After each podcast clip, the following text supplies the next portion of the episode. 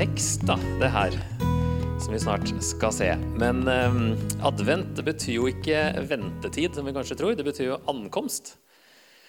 Og nå i desember så fokuserer vi på første ankomsten til Jesus. Men eh, han skal jo som kjent komme igjen, og det er jo den andre adventen. Og det er jo egentlig den vi venter på. Sånn sett er det jo alltid advent. Så det er ikke noe juletekst i dag, men det er en adventstekst. I hvert fall. Um, og den er fra Johannes' åpenbaring, kapittel 21. Så den har jeg Der kan dere få lese den. Bare tatt et bilde av den teksten. Og jeg så en ny himmel og en ny jord. For den første himmel og den første jord var borte, og havet fantes ikke mer. Og jeg så den hellige byen, det nye Jerusalem, stige ned fra himmelen, fra Gud, gjort i stand og pyntet som en brud for sin brudgom. Og jeg hørte fra tronen en høy røst som sa, Se, Guds bolig er hos menneskene. Han skal bo hos dem, og de skal være hans folk. Og Gud selv skal være hos dem.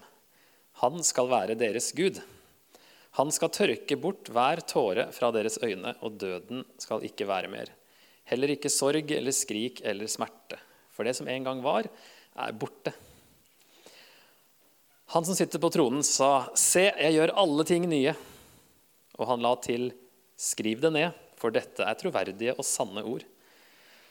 Så sa han til meg, 'Det er skjedd. Jeg er alfa og omega, begynnelsen og enden.' Jeg vil gi den tørste å drikke av kilden med livets vann som gave. Den som seirer, skal få dette i arv, og jeg vil være hans Gud, og han skal være min sønn. Den er jo henta fra nest siste avsnitt i Bibelen, her da, fra eh, Johans åpenbaring, fra den vanskeligste boka i Nytestamentet, og en av de vanskeligste i Bibelen. Så når vi skal bruke en tekst fra denne boka, her, så må vi jo snakke litt om eh, boka først. For mange blir jo skremt bare de hører tittelen og Jeg har jo av og til henvist til liksom de to siste kapitlene som en sånn fantastisk håp, men så tolker folk det som skremsel, bare fordi det er fra Johans oppmaring. Eh, og det gjør at vi leser lite i den, da, siden vi, mange av oss i hvert fall er redd for den boka. Og Det er jo forståelig, for den er jo så rar. Og den, eh, det er fordi vi ikke er kjent med den sjangeren, egentlig, den typen litteratur. Den er egentlig en egen type litteratur som heter åpenbaring, eller apokalypse på gresk. Og Det fantes flere sånne eh, åpenbaringer som folk skrev på den tida, som ikke er med i Bibelen. Og De er nå stort sett fiktive og fantasifulle. Eh, men når vi sammenligner med disse andre, så kan vi se hva som er typisk hvert fall, for disse åpenbaringene. For det er mange like bilder, det er mye tallsymbolikk, det er eh, skremmende dyr osv. Men de har samme hovedpoenget. Og det er ikke å finne ut når Jesus kommer igjen, men det er budskapet at selv om vi opplever vanskeligheter nå, så vil Gud eller Messias til slutt vinne og opprette sitt evige rike. Så hold ut. Så Det kan vi oppsummere Johans åpenbaring med. Jesus vinner, hold ut. Ja, amen. og eh, når de andre åpenbaringene var lagt i eh, ja, de var fiktive fordi de påstås jo å være skrevet av en person i Gamletestamentet. Men så er det jo skrevet lenge etterpå. Men Johans åpenbaring er skrevet av Johannes. Så han, Det som er uvanlig, er at han faktisk sier hvem han er, og at han er en uh, nålevende person. da. Som fikk denne åpenbaringen fra Jesus, åpner boka med, til sju menigheter i Lille-Asia, dagens Tyrkia, en del av Tyrkia. Så det ble skrevet ned i en sjanger som de var kjent med da, som vi ikke er kjent med nå. Og poenget var å oppmuntre dem i forfølgelser. Så det er jo sjekkpunkt nummer én. Da. Hvis vi blir skremt av Johans åpenbaring, så har vi ikke skjønt den. Fordi den er ment å oppmuntre oss. så jeg tror egentlig budskapet sånn generelt sagt for hele Johans åpenbaring tror jeg det er det samme som resten av Bibelen. Det er bare sagt på en helt annerledes måte. Men heldigvis, da, så er de to siste kapitlene veldig positive. Så de vi skal se på nå, ehm, det er fortsatt billedlige, men de er veldig positive. Men kronologien er også litt sånn spesiell da, i de her eh, apokalyptiske tekstene. Og Helt siden Oldkirken så har man ment at historien egentlig gjentar seg sjøl tre ganger. Sånn at egentlig ser det ut som at Jesus kommer igjen tre ganger i Johans åpenbaring. I kapittel 7, overgangen til 8, kapittel 11 og kapittel 19. Det betyr jo ikke at han kommer til å komme tre ganger, bokstavelig, men at eh, den tida fram til det skjer, ses fra tre ulike vinkler i boka her. Og så er det en progresjon, så det blir mer og mer, eh, mer, og mer beskrevet. da. Først er det bitte litt, knapt tydelig at han kommer. så kanskje vi ikke har sett det. Så blir det litt mer i kapittel 11, og så er det flere kapitler på slutten der vi er nå. da. I slutten av den tredje runden, der eh, Babylon har blitt dømt i kapittel 18, og det mener jeg best kan forstås som at Romerriket, de som forfulgte disse sju menighetene, skal bli dømt. Og Johannes ser det som at de har blitt dømt i kapittel 18. Jesus har kommet igjen i kapittel 19. De dødes oppstandelse og dommen har skjedd i kapittel 20. Og så kommer den nye himmel og nye jord, som Johannes ser. og Det er det siste han ser, og det varer ut boka. Så det er avslutninga på hele Bibelen. egentlig det her, Og det er en fantastisk avslutning. Men det første man kanskje lurer på, er hvordan denne nye jorda som han ser, hvordan det passer inn med himmelen. da. Er dette himmelen? Ikke helt. Eh, Johannes er ikke den første til å snakke om det her heller. Jesaja gjør også det på slutten av eh, de to siste kapitlene faktisk, av Jesaja også. snakker om dette her. Se, jeg skaper en ny himmel og en ny jord. Ingen skal minnes de første ting, ingen skal tenke på dem, står det. Men Det kan være vanskelig å vite hvor bokstavelig vi skal ta både Jesaja og Johannes' åpenbaring.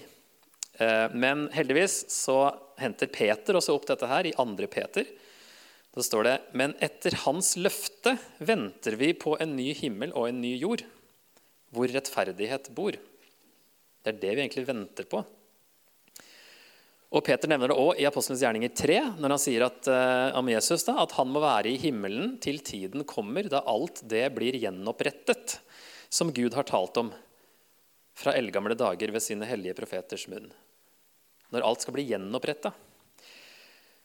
Og Paulus i Romerne 8 snakker om at det skapte skal bli frigjort. Og at det sukker og stønner samstemt, alt det skapte. Og det lengter etter noe. Skaperverket lengter etter å bli gjenoppretta. Så Gud er jo i himmelen, og når vi dør før Jesus kommer igjen, så kommer vi jo til Gud i himmelen himmelen. Men det er jo ikke vårt endelige mål å være der for alltid, faktisk. For i slutten på Guds historie er jo ikke at vi skal til himmelen, men at Gud og himmelen kommer ned til oss. Og vi eh, evangelikale, som eh, vi kalles, og som vi kan eh, definere som lavkirkelige protestanter med en konservativ bibeltolkning vi, Det er mange flere enn oss. Eh, på verdensbasis. Vi har jo egentlig erstatta denne nyskapelsen, denne gjenopprettelsen, med himmelen de siste 100 årene. Som en respons til liberalteologien som kom da, så har det blitt litt skeivt. Og så har vi fått en mer sånn ikke-fysisk og en sjelelig, åndelig oppfatning av himmelen. At uh, den jorda her den skal gå under, og vi, sjelen vår skal til himmelen. på en måte, tenker vi ofte. Men evigheten skal faktisk tilbringes på den nye jorda. Og derfor på en mye mer fysisk og, fysisk og konkret måte enn vi kanskje tenker oss himmelen. Men mange ganger Når jeg snakker med folk som ikke tror om det her, så høres det helt sprøtt ut å snakke om en ny jord. Skal Gud liksom skape en ny jord? Sånn ut av ingenting, da, eller? Og Der har vi evangelikale også som regel tolka det som at denne jorda her skal erstattes med en ny jord. Og Det kan det jo høres ut som med hvilke ord som brukes her. Men helt fra oldkirken så har det òg basert på andre vers med lignende uttrykk, så har det blitt forstått som en fornyelse av denne jorda. At det er den samme jorda som skal bli ny og få en ny identitet. Derfor kan man si at den første er borte, men at det egentlig er denne jorda som skal bli ny. Og Det syns jeg er litt lettere å snakke om da, til folk som ikke tror i utgangspunktet, at Gud kommer for å fikse denne jorda. Kommer for å fikse alt som er galt med denne jorda istedenfor å skrote. For han bryr seg om skaperverket sitt og vil fikse det. Så han har en plan som han gjennomfører, og som vil skje. Det er skjedd, hører Johannes når han får se et glimt av dette her. Så det her det er Guds mål, og det har han egentlig oppnådd allerede ved å komme til jorda som et menneske. og fikse det underliggende problemet, da. synden, som ødelegger skaperverket. Så synden, som er ordna opp nå i den første advent, så gjenstår nå siste episode av Guds plan fram til Hans rike kommer for fullt i den andre adventen. La ditt rike komme. Havet fantes ikke mer, og det er noen som syns det ikke høres så fint ut. da, At det ikke skal være noe hav. Men havet var jo en trussel den gangen. Eh, og så er det fortsatt veldig billedlig bok, dette her. Det er sikkert mer enn én gate av gull nye, i nye Jerusalem.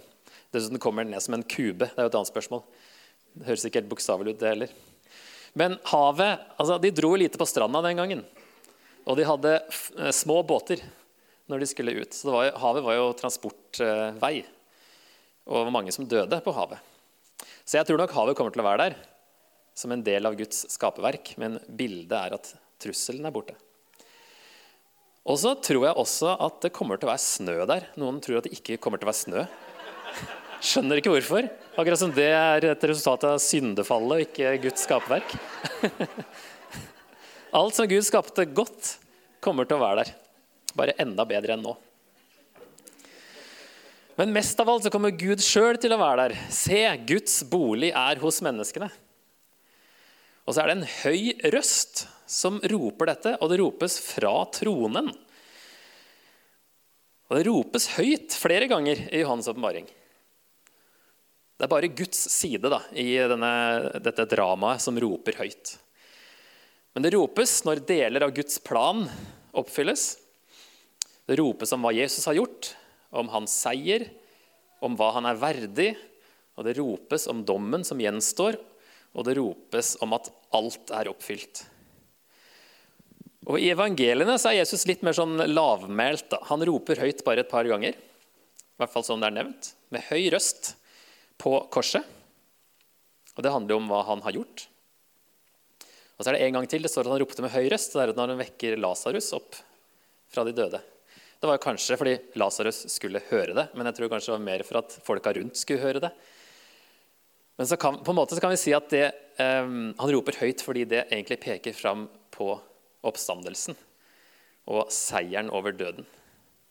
Så de gangene det ropes høyt, så handler det om de store tingene der. Og I Johans oppmaring så ropes det med høy røst på slutten av alle disse tre rundene.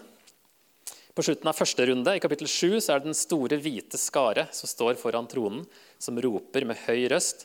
Seieren kommer fra vår Gud, han som sitter på tronen, og fra lammet. Så de roper om seieren.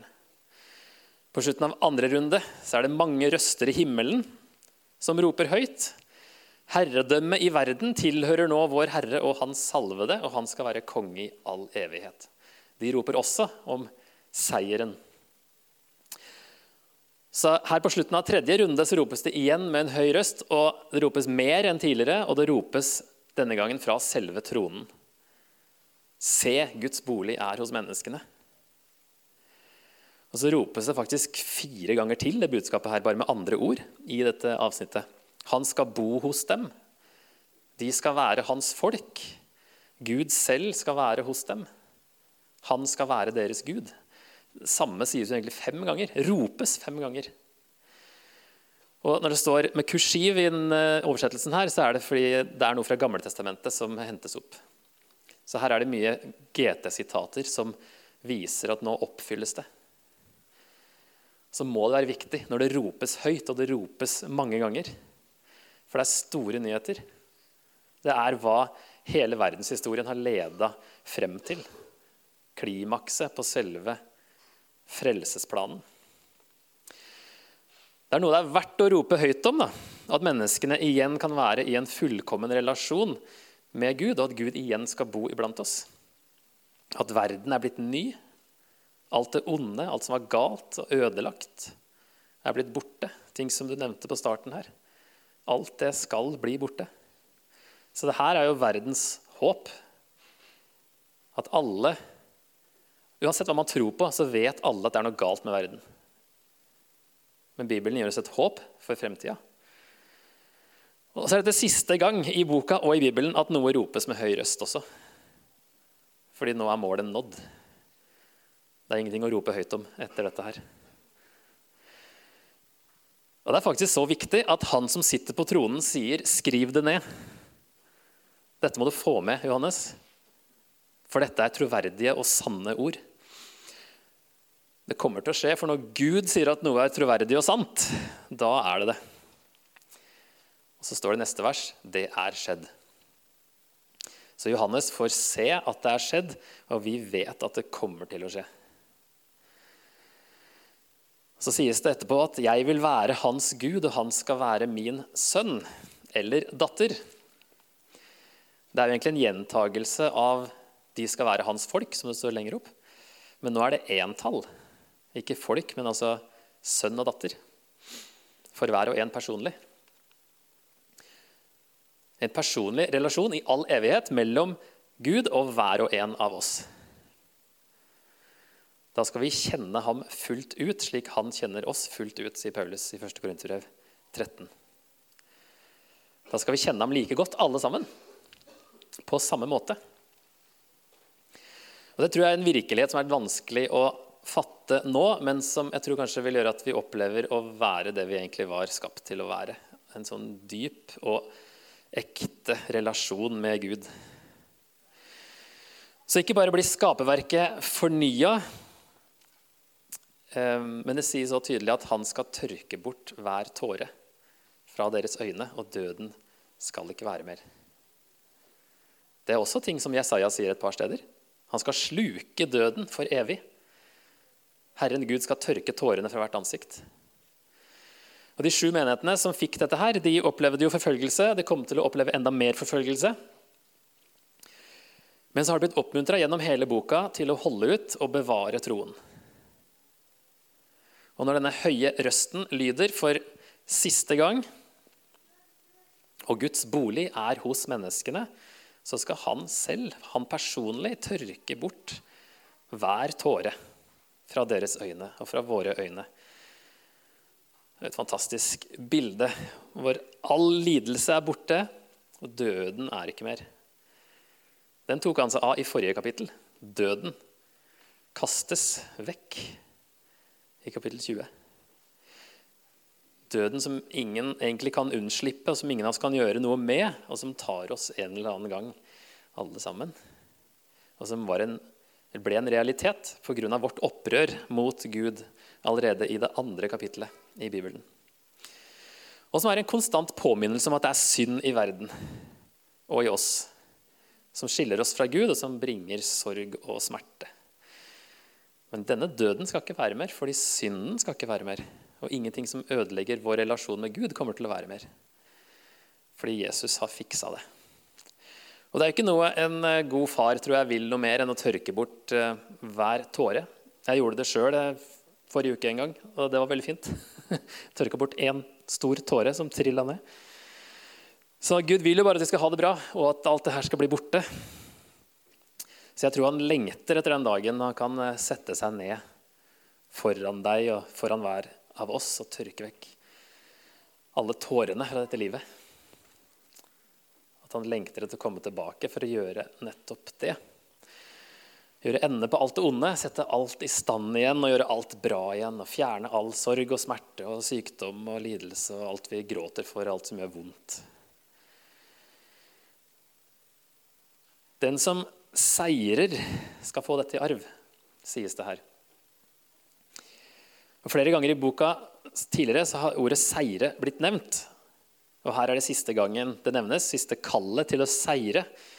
Så på hvilken måte må vi seire for å nå fram til dette her? Da har boka òg gitt oss svaret tidligere, fordi seire ble redefinert da Jesus seira ved å dø. I kapittel 5 står det at løven av Judas stamme, Davids rotskudd, har seiret og kan åpne boken og de sju seilene. Det får han høre, at løven har seira, og så får han se et lam som så ut som at det har blitt slakta. Det var sånn han seira. En seirende løve som også er et slakta lam. Kapittel 12 står det at de har seiret over ham, over dragen, over Satan, ved lammets blod altså alle som tror, har seiret over ham ved lammets blod og ved det ordet de vitnet, og de hadde ikke livet så kjært at de ikke ville gå i døden. Så de seiret, selv om de kanskje døde. Og Disse menighetene får jo hvert sitt brev i starten av boka her, i kapittel 2 og 3. Og hvert av de brevene avsluttes med et løfte til den som seirer. Den som holder ut og holder fast på troen, selv om det skulle bety at man blir drept for det. Så å seire i denne boka her betyr å beholde troen holde ut i lidelse og kanskje død. Men det vil være verdt det til slutt. Det er derfor de får dette bildet her å se fram mot. Så lenge vi ikke mister dette målet av syne, så kan vi klare å holde ut. Så jeg tror vi trenger å se det her på nytt av to grunner. Og det første er fordi vi har mista det av syne. Fordi vi har konsentrert oss om en ikke-fysisk eh, tilværelse i himmelen. Og vi trenger ikke ha samme frykt som mange andre for at jorda skal gå under. F.eks. klimakrise eller atomkrig eller hva det nå helst kan være i sånne katastrofefilmer. Virus. Jorda består så lenge Gud vil det. Og Vår oppgave er å ta vare på den fram til den fornyes. Men Gud har kontroll, og han vil fornye den. Og så lurer jeg på om vi har innsett hvor stort det er dette med at Gud skal bo iblant oss. Det som ropes fem ganger med høy røst. Så kanskje vi burde rope litt høyere, vi òg. Og inntil da, hvor, hvor, er Guds, hvor, er Guds, bolig nå? Inntil han eh, kommer, som det står her. Det er jo her, i oss. I oss individuelt og i oss i menigheten. Paulus kaller menigheten for en bolig for Gud i ånden i Efeserne og for Guds tempel i korinterne. Så menigheten er faktisk en forsmak på dette her. Og Vi er allerede blitt fornya. Vi har begynt å bli fornya. Paulus sier at blir, vårt indre blir fornyet dag for dag i 2. Korintbrev 4. Så Gud har starta denne fornyelsen.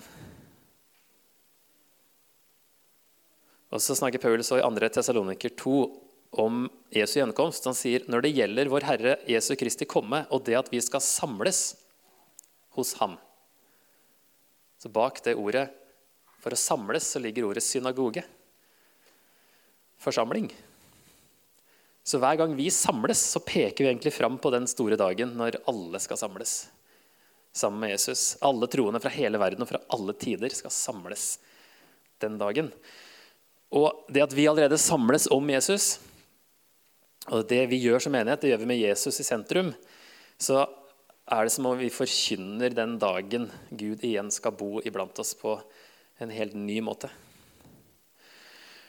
Det sentrale som menighet er at vi samles om Jesus. Og det samme må vi jo si om evigheten. At den er jo sentrert om Jesus. Og vi må jo ha lyst til å være med Jesus i evigheten. Og det at vi skal se igjen andre venner og familiemedlemmer og kanskje kjæledyr som har dødd i et fullkomment skaperverk, det er jo en del av det, men det er ikke hovedpoenget. Fordi det fins sånn, en sånn verdslig variant av himmelen hvor man bare har det bra, og hvor man kommer hvis man har vært et godt menneske, men der Jesus ikke er. Og Det er jo ikke det Bibelen snakker om. Der er hovedpoenget Jesus. Han som redda oss, og som gjorde det mulig for noen som helst å være der.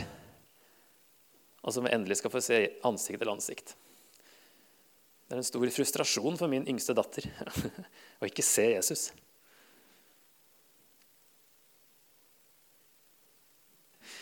Så avslutter Paulus efeserne på denne måten. Nåde være med alle som elsker vår Herre Jesus Kristus i et liv som aldri skal foregå. Så jeg tror vi kan rope litt høyere om det her òg, ja, at, at mennesker kan møte Gud i menigheten. Og kanskje vi må tro litt mer på at faktisk Gud er her og i oss. Og selvfølgelig helt uavhengig av bygget vi samles i. For det er folk, folka som er menigheten. Det er vi som er Salem, det er ikke Prinsens gate 22B. Og vi er en av Guds boliger i Trondheim. Så jeg tror vi trenger å se det på nytt fordi vi har mista det litt av syne. Og så tror jeg vi trenger å se det på nytt fordi vi kan miste det av syne igjen. selv om vi opplever lidelse og død, og sånn vi også, så blir vi ikke akkurat forfulgt som de sju menighetene som fikk dette her. Men hva kan gjøre at vi ikke holder ut og når fram? Kommer jeg ofte tilbake til. Jeg lurer på om det er fordi vi har det for bra. Vi, litt for bra til at vi husker på Gud, siden vi egentlig ikke trenger ham hver dag. Og så plutselig så kan vi ha glemt ham. Ved dere rike, advarte Jesus. Og det gjelder jo egentlig alle i Vesten, stort sett. Vi har det så bra at vi må være obs på farene ved det. Spesielt hvis vi ser på troen som et middel til et bedre liv.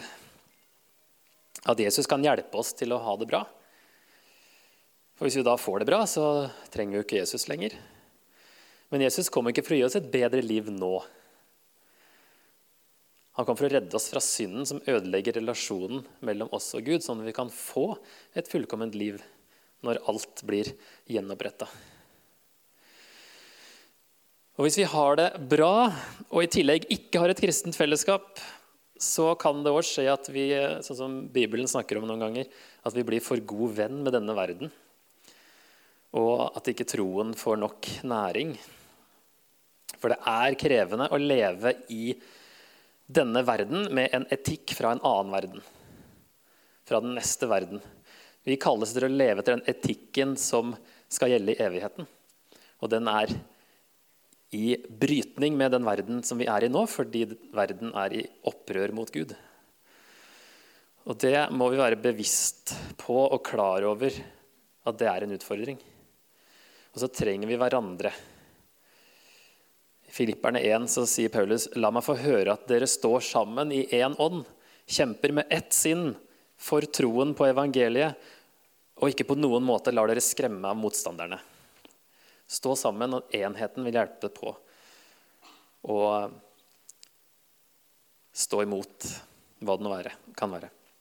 Det passer godt med verset som du nevnte sist, Jan Even, fra Hebreerne 10. La oss ikke holde oss borte når menigheten vår samles, som noen har for vane. La oss heller oppmuntre hverandre, og det så mye mer som dere ser at dagen nærmer seg. To gode råd her til slutt. Ikke hold oss borte fra menigheten fordi menigheten er Guds bolig, som møtes på oppstandelsesdagen, derfor søndag. Det er ikke bare for å velge noe annet enn lørdagen som sabbat. Det var fordi Jesus sto opp på en søndag. For å feire Jesu oppstandelse og Jesus seier hver uke. Og som samtidig peker fram mot nyskapelsen. Og det andre rådet oppmuntre hverandre ettersom dagen nærmer seg. Ja, vi trenger mange forskjellige oppmuntringer for å holde ut. For å holde på troen, sånn at vi kan nå fram til slutten. Så vi kalles til å hjelpe hverandre på veien fram til den store dagen. Så et sitat av Tim Keller til slutt. Vi ble skapt for en verden uten død eller adskillelse fra kjærlighet. En verden der vi vandret med Gud og kjente ham ansikt til ansikt. Verden har blitt ødelagt av synd og er ikke lenger hjemme. Og vi er rastløse i eksil helt siden vår utvisning fra Eden. En dag vil han gjøre verden om til et virkelig hjem igjen.